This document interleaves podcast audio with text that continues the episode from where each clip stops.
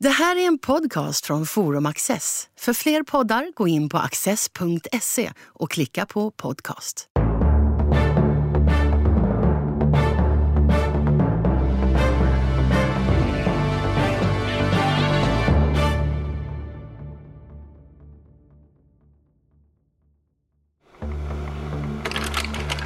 Thomas Carlyle var en av 1800-talets mest beundrade författare och en av dess ledande intellektuella. Men framför allt var han historieskrivare och i centrum för all förändring eller utveckling satte han enskilda individer. Historien är liktydig med hjältarnas historia, de förebildliga föregångsgestalternas historia. Hjältar driver skeendet i kamp mot slämma, ondskefulla antagonister. Carlyles största triumf var ett verk i tre band, den franska revolutionen. Svante Nordin, professor i idé och lärdomshistoria vid Lunds universitet, samtalar med Peter Luttersson. Thomas Carlyle eh, är kanske inte den eh, mest aktuella författaren idag. Annat var det på 1800-talet. Så var det i sitt eh, hemland i, i Skottland, England, Storbritannien under den viktorianska tiden så var Carlyle verkligen en av de stora viktorianska profeterna. Eh, alla läste honom och alla de stora debatterna utgick ifrån vad han hade skrivit. Eh, även hans motståndare sa att ja, men det är Thomas Carlyle som, som dominerar eh, debatten. Men inte bara i, inte bara i eh, Storbritannien. Jag Eh, vet här, eh, det finns eh, citat på bakre fliken av en av hans böcker som kom ut då citeras Selma Lagerlöf som säger Jag erkänner mig vara en ringa lärjung av den store mästare som varit en av uppbyggarna av Storbritanniens sedliga styrka och en vägledare av dess yppersta andar. Precis, väldigt typiskt och det är ju också erkänt att, eh, eh att Gösta Berlings saga också rent litterärt eh, har tagit väldigt starka intryck av Carlyles prosa. Mm. Han, han, skrev ju en, en oerhört retorisk, oerhört eruptiv prosa med många utrop och, och eh, mycket överdrifter och eh, idag lite, lite svårläsbar måste jag eh, säga. Eh, men hade en fascinerande verkan på 1800-tals eh, människor. Han är oerhört passionerad han när han skriver. enormt passionerad. Och han, han, kan också påpeka det själv, att när han skriver den där boken om den franska revolutionen så, så säger han att eh, aldrig har någonting skrivits med ett så febrigt hjärta som min bok om om franska revolutionen. Jag är inte säker på att det är just febrigt hjärta, men ungefär så. Så, så är det. Så när Selma Lagerlöf skriver om det oforna tiders kvinnor och så, så då, då, då är det en mm. tirad alla, mm. alla alla, Ja, just det. Och de här utropstecknen. Ja, och, ja. och närvaron i, i verket. Författarens närvaro i, i verket. Ingen kunde ta fel på att detta var Thomas Carlyle som Ändå så, hans genombrott var med en eh, satir. Ja, alltså han har ju, hans mm, biografi eh, sönderfaller ju på det viset att han växer upp och tillbringar sin ungdom i Skottland. Han är ju en skotte, väldigt mycket också ideologiskt och till hela sin, eh, sin, sin typ. Och sen flyttar han till England och till London och tillbringar sina senare år där. Men eh, hans första bok som han skriver... Det är mitten på 1830-talet, någon gång ja, han flyttat ja, till London. Tror jag. Ja, just det. Och den första boken eh, den heter Sartor Resartus, en konstig latinsk titel som betyder den omskräddade skräddaren. Det blir inte särskilt mycket klarare på svenska. Men, men det är den någon... ihoplappade lappskräddaren. Ja, så kanske någon har översatt det. Ja. Ja. Och det är någon symbolik. Kläderna, det yttre höljet, det är inte mannen utan det finns den inre kärnan och den in, djupare verkligheten och så, och så vidare. Men det där är en uppgörelse med hela 1800-talets eh, materialism. Han talar om ett eh, ett evigt nej. Han, han, han grips, grips av en sorts depression när han tänker på eh, den materialistiska idén om att allting är en sorts maskin, allting är maskinellt vi, vi, vi kan känna igen det idag, eh, tanken på att den moderna människan är en sorts robot, och att, eh, eller i vilket fall att nästa generation kommer att bestå enbart av robotar. Och den där, eh, den där skräckvisionen av en, av en helt och hållet artificiell värld, den finns hos Carlyle redan så så, så tidigt. Och han kommer då med sitt absoluta nej, sitt totala nej och som bekräftar den fria viljan och bekräftar den mänskliga personligheten, bekräftar livet. Allting är inte denna, denna mekaniska determinism. Men han har inte hittat sin stil där ännu? Den, han, är, den är lite för omständlig som, som stil? Och han är väldigt eh, tyskpåverkad. Ja. En av hans första böcker är en biografi över Schiller. I den här Sartre så är huvudpersonen en tysk professor som heter Teufelsdröck. Ehm, och eh, han, han syttar in sig lite väl mycket i tysk eh, metafysik. Och lärdomspedanteri. Lärdomspedanteri. Han frigör sig så småningom från detta. Inte från den här eh, exklamatoriska stilen med ständiga utrop och så, men, men från lärdomspedanteriet, ja. Och han har kontakter i Tyskland. Han brevväxlar med Goethe. Han översätter ju Goethe han översätter, också. Wilhelm Meister. Och Goethe uppskattar honom. Och den tyska filosofin blir en sorts befrielse från utilitarismen och ifrån eh, eh, allt för mycket evolutionsteori och allt för biologistisk världsåskådning. Och så. så att, att tyskarna framhåller ju eh, anden, mm. eh, det andliga och det, och det är det som Karl Carlyle tar fasta på, trots att han då inte är kristen. Alltså han är ju aldrig någon konfessionell kristen. Och det är också väldigt viktigt. Han är inte någon kardinal Newman eller någonting i den stilen. Utan då hade han nog inte kunnat få lika många mm, kanske efterföljare. Utan, utan det är det här att Jo, man fick ju många också på han sitt fick, sätt eh, ja, genom det, universitetsidén och så. Men... Eh, det, det, det, har du absolut rätt i. Men, men, men det blev ändå så. Han, han, var, han bekände sig till en kyrka och konfession och det gör aldrig Carlyle. Mm. Så att han är mera oberoende på det viset. Samtidigt som han för fram då en, en sorts spiritualism eller idealism eller någonting. Men det där, och den där dragningen till, till tysk idealism, eh, den hindrar ju inte att en annan som man brevväxlar med ganska eh, omfångsrikt är eh, John Stuart Mill.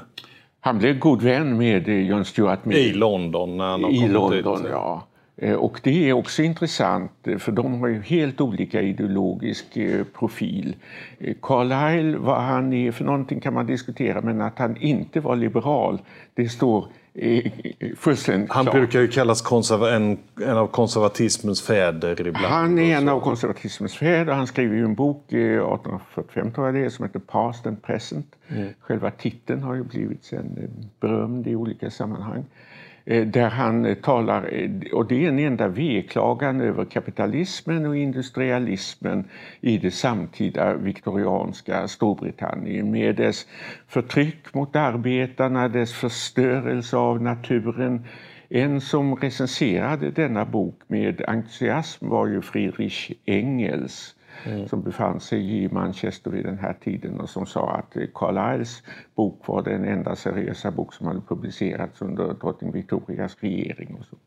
Men Carlyle själv är ju inte kommunist utan han är ju reaktionär snarast.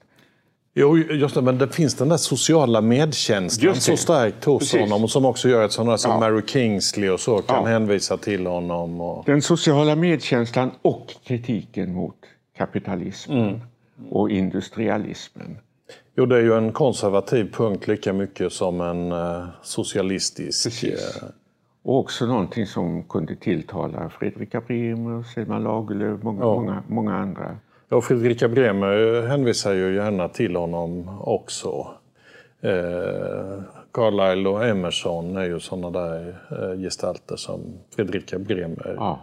Ja. gärna lyfter fram. Och som också gjorde att Carlyle får eh, efterföljare, John Ruskin, den store med esteticismen, William Morris som kombinerar esteticism med, med socialism, Oscar Wilde så småningom, en hel strömning egentligen i Ibland på vänsterkant, yttersta vänsterkanten, ibland på yttersta högerkanten men, men det gemensamma är kritiken mot det samtida eh, vad ska jag säga, mammonismen, kapitalismen, mm. industrialismen. Den här brevväxlingen med, med Mill, den är, den är ju väldigt... Eh, ja, de har ju en mycket trevlig ton sinsemellan och de är överens om att de inte är överens. Men båda beundrar, det eh, påtalar de också i breven, att, att de tar saker på allvar, att de har samma eh, seriositet när de närmar sig saker. Att de inte Eh, Eh, att de inte har ett eh, ärende utan litar på sina iakttagelser och sådär. De förblir goda vänner trots denna förfärliga händelse där, där Carlyle har skrivit sin berömda bok om den franska revolutionen. Det, det, är hans idag mest lästa bok kan man väl ja, Det är den jag tänkte vi skulle uppehålla oss vid sen för det är den som är roligast att prata om tycker jag. Lite om den. Men då, då lånar han John Stuart Mill Eh, manus till första delen Eh, före för kommentarer. Och John Jon Stewart sitter och läser den fullständigt fascinerad på kvällen. Så går han och lägger sig och lämnar manuskriptet på, på skrivbordet. Eh, och sen tidigt nästa morgon så kommer tjänsteflickan och tänder brasan med eh, manuskript som naturligtvis är det enda manuskriptet mm. till, till denna... Kopieringsmaskiner var så dyra ja, på den tiden. Ja, det, ja fanns, det fanns knappt. Nej, de fanns inte. Så att Mill är tvungen att knacka på hos eh, paret Carlyle, Jane och Thomas. Hans hustru är nästan lika berömd som han själv. Hon var en fantastisk... Och deras brevväxling. Deras också. brevväxling, ja. fantastisk brevskriverska. Och talar om tyvärr har jag bränt upp eh, ditt mästerverk, en exemplar. Och sen ägnar eh, Carlyle nästa år åt att skriva om det igen. Mm. Förhoppningsvis ännu bättre. Deras äktenskap var ju också speciellt. Jag vet att eh, Samuel Butler sa att det var tur att de gifte sig med varandra för då behövde bara två människor bli olyckliga. Ja, Eh, Eh, han var ju en hustruplågare men eh, jag, tror inte av ondsinthet utan av eh, brist på omdöme mera. Det, det, han hade ett, ett rasande temperament och de båda var i sina brev de är väldigt maliciösa och med, med roliga, kvicka kommentarer om alla som betyder någonting i den viktorianska debatten. Och deras hem finns bevarat. Jag har aldrig varit där, men Nej. där har du varit. Öppet eh, några dagar i veckan, eh, några timmar eh, per gång. Mm. Ehm, och man får leta sig fram genom ett virrvarr av gator så ligger det där helt oväntat, huset välbevarat, precis möblerat exakt på samma sätt som när Eh, när, det, är precis som om Thomas och Jane hade, hade gått, gått på visit, ja. gått ut genom dörren. Ja. Så, att, så att det är ganska roligt att se. Mm. Och så möter man då någon eh, entusiast från Carlisle-sällskapet som förevisar allting. Mm. Men om vi, ska, om vi ska säga någonting om den här den franska, den franska revolutionen så ett sätt att jämföra den, ett sätt att karaktärisera den det är att jämföra den med Tocquevilles eh, bok till exempel om eh, den franska revolutionen. Där Tocqueville eh, eh han letar i hur samhället var organiserat och vilka lagar som fanns och vad som förtryckte och skapade ojämlikheter. Och, eh, förordningar eh, medan individerna spelar väldigt lite roll hos honom utan han vill få det att framstå som att, eh, att revolutionen är eh, förutsatt de här lagarna och det här sättet att organisera samhället så, så är det ja, närmast determinerat. Det kan inte bli någonting annat än det som blir. Eh, Thomas Carlyle är ju bara intresserad av individer. Han är motsatsen till eh, Tocqueville och eh, Carlyle är ju framförallt en, en moralist. Så han har ju en helt och hållet moralisk, moralistisk tolkning av den franska revolutionen. Att, att den är Guds straff mot den franska aristokratin som förtryckte de, de fattiga och eländiga. De gjorde oss med, med sin gudlöshet och frivolitet och cynism och hänsynslösa bruk av, av pengar och makt och så. De har förtjänat denna revolution. Precis så. Det, det, betyder inte att han tar parti, allra minst för Robespierre som var, var en kall, blodfattig figur. Som han inte, inte, men, men det var ett rättvist straff. Mm. Så, så framstår det. Och, och det är det som gjorde att den boken blev så läst. Därför att det var en, en, en, ett, en dom också av det samtida viktorianska samhället mm. som var likadan. Som också förtryckte de fattiga och arbetarklassen. Och, man, man, förstår att han väntar sig när som helst att denna revolution, eruption ska komma. Ja, de som inte äger någonting annat än sin hunger och sitt elände. Och så. Han ja. excellerar ju sånt där. Robespierre är ju en, en eh, skurk i hans bok. Och, och han försitter ju inte ett enda tillfälle att påpeka hur skurkaktig han är. Han är en bitter pedant eh, som eh, har glasögon istället för ögon och som Eh, har logiska formler istället för känslor. Och, eh, den sjögröne, outlige. Ja. Han hade, Robespierre hade tydligen enligt vissa källor en lite, lite grönaktig eh, hy och detta tar Kolla fasta på. Han kör det hela... Ja, och att han är omutlig, det är inte något bra alls. Det betyder att han inte är en människa överhuvudtaget utan en maskin. Alf Ahlberg som har översatt han använder också uttrycket obesticklig. Det skulle man ju idag kunna tycka ja. att det är ju det, verkligen ärofullt att vara obesticklig. Ja. Men, men för honom eh, är det ju en, för Carlyle är ju det en väldig brist hos Robespierre att han inte är pragmatisk och, och, och på något sätt godtar att människor är som människor är. Eh, och också att det, det, det är också detta att han är en, en ideologisk fanatiker. Han har inga mänskliga mm, egna känslor utan han är bara den här eh, fanatikern som, som är beredd till vilka förbrytelser som helst därför att principerna är det enda som betyder någonting för honom. Inget medlidande. Och, och eh, om man säger att Robespierre är den onda huvudpersonen i denna skildring så är den goda huvudpersonen Mirabeau. Ja. Eh, som eh, han eh, ja. framställer i hans vältalighet och hans lejonman och hans ja. kraft. Och, ja. och, och, även Dong Tong är ju relativt mänsklig och hygglig. Han var ju förvisso inte obesticklig. Och det är ju honom... det goda hos honom. Ja, det gör honom mera mänsklig.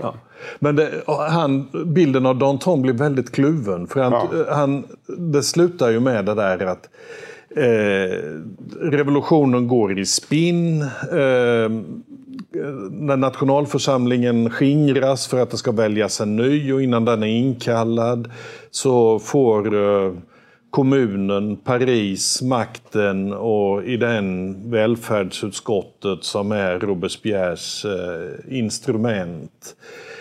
Och Mirabeau dör, då är den enda personen borta som skulle kunna hindra att allting går i spinn. Mm.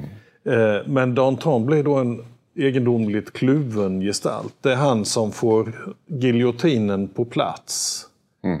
Men han är också den som kan leda motståndet emot de arméer mm. som eh, mm. vänds utifrån emot Frankrike. Så, så, så, är det. Och Carlyles tolkning av franska revolutionen blev väldigt inflytelserik i det viktorianska England. Om, om, om du tänker på Charles Dickens roman Tale of Two Cities mm. eh, om London och, och Paris som utspelas under revolutionen så är det ju, han övertar ju rätt mycket Carlyles tolkning just det här med, med, med revolutionen som en sorts eh, eh, nemesis, divina, eh, nemesis divina en, en, en Guds straff för, för den här eh, den, den förtryckande eh, och, och eh, överklassen, aristokratin som en socialt okänslig och sådär. Sen, sen, eh, han har ju lysande små miniporträtt och karaktäristiker av personer som det fladdrar ju förbi eh, tusen individer ur eh, historien. Den som är och han, han skrev sånt där, de han tycker särskilt illa om det är de som är magra och bleka. Och ett typiskt fanatikerutseende kan han skriva. Och sådär. Precis. Men den som är ännu värre än Robespierre, men som man inte tillmäter alls samma betydelse, det är ju Marat. Ja. Och Charlotte Corday blir därför en, en mycket positiv, ja. en hjälte ja. i hans berättelse. En annan berömd bok som också översatts till svenska är den som heter om, om hjältar och hjältedyrkan, Heroes and Hero Worship. Och där, han tar ju ordet hjälte i, helt och hållet i en, i en positiv mening. Stora män, stora människor behövs. Historien är historien om stora ja. män. Ja. För jag, det ja. finns ingen kvinna som uh, kommer med i hans uh, pantheon. Inte, inte riktigt, även om han kunde uppskatta jo. Charlotte Corday. Jo, jo, jo, eller andra och en del andra. Men, men de, han skriver om, han skriver om Cromwell, Cromwell och han skriver om Fredrik den store. Ja, biografier. Stora biografier. Ja. Ja, det och det, det är sådana här hjältar och det, det är ju onekligen eh, män med, med muskler så att säga. Men den där boken om hjältar det är ju egentligen sex föreläsningar som man ja. håller. Ja. Och den första den handlar mycket om vår del av världen. Det är Skandinavien och det är isländska, de isländska sagorna. Hans, hans första hjälte är orden. Ja. Och han, han, han menar ju att orden är det är, någon, det är en människa av kött och blod som finns någonstans i, i det förhistoriska men som uh, i berättelse kommer att uppträda som Gud. Men för Carlyle är det ju ingen tvekan om att detta är någon individ som har funnits. Så. Nej, man kan väl säga att hans hjältedyrkan har ju bidragit naturligtvis till att han har omvärderats Nedvärderats, och nedvärderats ja. i vår egen tid. Det där har varit, han hade också en del uh, olyckliga polemiker. Det fanns någon guvernör i Västindien, Jamaica tror jag, som slår ner ett, ett, med ganska brutala medel slår ner ett, ett uppror bland de, de svarta. Och eh, eh, Carlyle hyllar denne, denne figur och menar att han genom att agera eh, raskt och eh, kraftfullt avvärjde en mycket värre katastrof. Ett eh, blodbad, en massaker som annars skulle ha inträffat. Men han, han liksom eh, prålar lite grann med, med brutala formuleringar när han skriver om detta. Eh, Kolla. Han älskar att chockera. Och det har inte bidragit till att Han driver ju formuleringarna så långt det så går långt åt det bara olika går. Ja, håll. precis, så. precis. Men en annan, annars så, om man tittar på just det där det, det västerländska och den vite mannen och sådant så, kan, så en slående inslag i hans bok om hjältar det är ju att den andra hjälten efter orden i den andra föreläsningen det är ju Mohammed. Mm. Jo, nej men absolut. Det har ingenting med, eh, egentligen med, med eh, de samtida raslärorna eller sådär. Det, det, är inte riktigt det, är inte det utan det är, och det är ju moraliska hjältar. Det, det är det andliga, inte det, det, fysiska eller det biologiska som är, är det väsentliga för, eh, för Carlyle. För successionen där det är ju att om orden var en gud så är, är Mohammed en profet. Och han Ja. beundrar att eh, Mohammed eh, så att säga missionerar med svärdet eh, och sprider. Eh, Och han, är ju, han har ju själv, som, som vi var inne på, detta profetiska eh, anspråk. Han, han vi, kan beundra Muhammed därför att han själv är, vill vara en moralisk eh, väckare. Att, att få, få den viktorianska allmänheten att grunda över, begrunda de här moraliska frågorna och, ställa frågan vad, vad, är det för samhälle vi lever i? Den här past and present, eh, han talar där om the condition of England, Englands eh, eh tillstånd, Englands situation. Och det är just, eh, situationen är just förtrycket mot, eh, mot en arbetarna. prerevolutionär situation. En prerevolutionär situation. Eh, och när han skriver om förtrycket mot naturen, nedsmutsningen. Och Carlyle beskriver där hur, hur fiskarna dör av den här förgiftningen i, i älvarna och, och, på, på, på, ett sätt som absolut föregriper hela den miljödebatt som har förts under de senaste En proto-Greta Thunberg. ja, ja, eller hur man nu ska, säga, man nu ska uttrycka det. Men han, och ibland, han är ju uppmärksam på vad ska jag säga, moderna saker. För en sak han registrerar i franska revolutionen det är ju framväxten av partiväsendet. Ja. Eller pressens eh, nya roll som han inte kallar den tredje statsmakten men väl det fjärde ståndet. Nej. Och han vill i och för sig ha en aristokrati, men en riktig aristokrati. Alltså en aristokrati med moraliskt bod och ansvarskänsla som inte är så... Han, han anklagar då den brittiska faktiska eh, aristokratin för att eh, försumma sina gods, sina lantegendomar, sina underlydande och bara eh, stanna i London för att, eh, att roa sig, bara suga ut eh, profiterna ur, ur sin förmögenhet och inte, inte ta något ansvar. Om man tittar lite mer på hans hjältetyper där så nästa, nästa stadium efter, eh, efter Mohammed det är, det är Dante och Shakespeare. Där han precis som den, när vi sitter här nyligen avlidne Harold Bloom sätter Shakespeare högst. Därför att eh, Dante är fortfarande alltför katolsk medan Shakespeare blir universell. Mm. Eh, och eh, att han beskriver Shakespeares verk som en universell psalm. Mm. Det kan man nog säga om man jämför med John Henry Newman som vi mm. nämnde. Att, mm. att Carlyle är ju väldigt protestantisk. Han kommer ju från Skottland som är, är den mest eh, protestantiska delen av, av Storbritannien. Eh, och eh, Eh, hela hans typ av moralism är, är ju väldigt eh, presbyteriansk. Inte så att han, att han ansluter sig eh, dogmatiskt till någonting sådant men själva, själva typen av eh, av moralism. Det här det obändiga, det, det, det, det lite hårda, det, det, det, det osentimentala, det, det, det, det, det, finns hos honom. Bland hans hjältar där i fortsättningen finns ju både Martin Luther och John Knox och, ja. och framförallt, eh, som du säger, Cromwell. Eh, ja. Som, eh, ja. Och det, de är ju hårda protestanter. Och, pur, och puritaner. Puritaner, just det. Det är, också, det, det, det, är bra att du säger det, för det är också viktigt att det är en puritanism.